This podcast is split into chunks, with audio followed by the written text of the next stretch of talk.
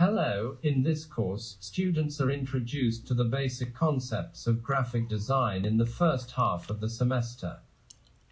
Students, graphic elements and the universal rules of graphic composition, point, line, plane, rhythm and balance, size, texture and pattern, color, shape, ground relationship, image semiology and framing, content and hierarchy, layers, transparency, modularity.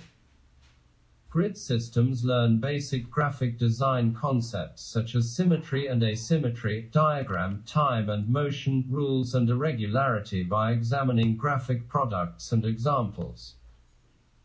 Samples of national and international graphic design products are presented and examined. In the second half of the semester, students are introduced to terminology, graphic products and media, posters, brochures, magazine and book covers, spatial graphics, infographics, advertising graphics, above and below line advertising graphics, advertisement, outdoor, point of sale display materials, etc. Examples will explain the design principles, the function of graphic elements in communication and how to communicate. Hope to see you in class. Bye.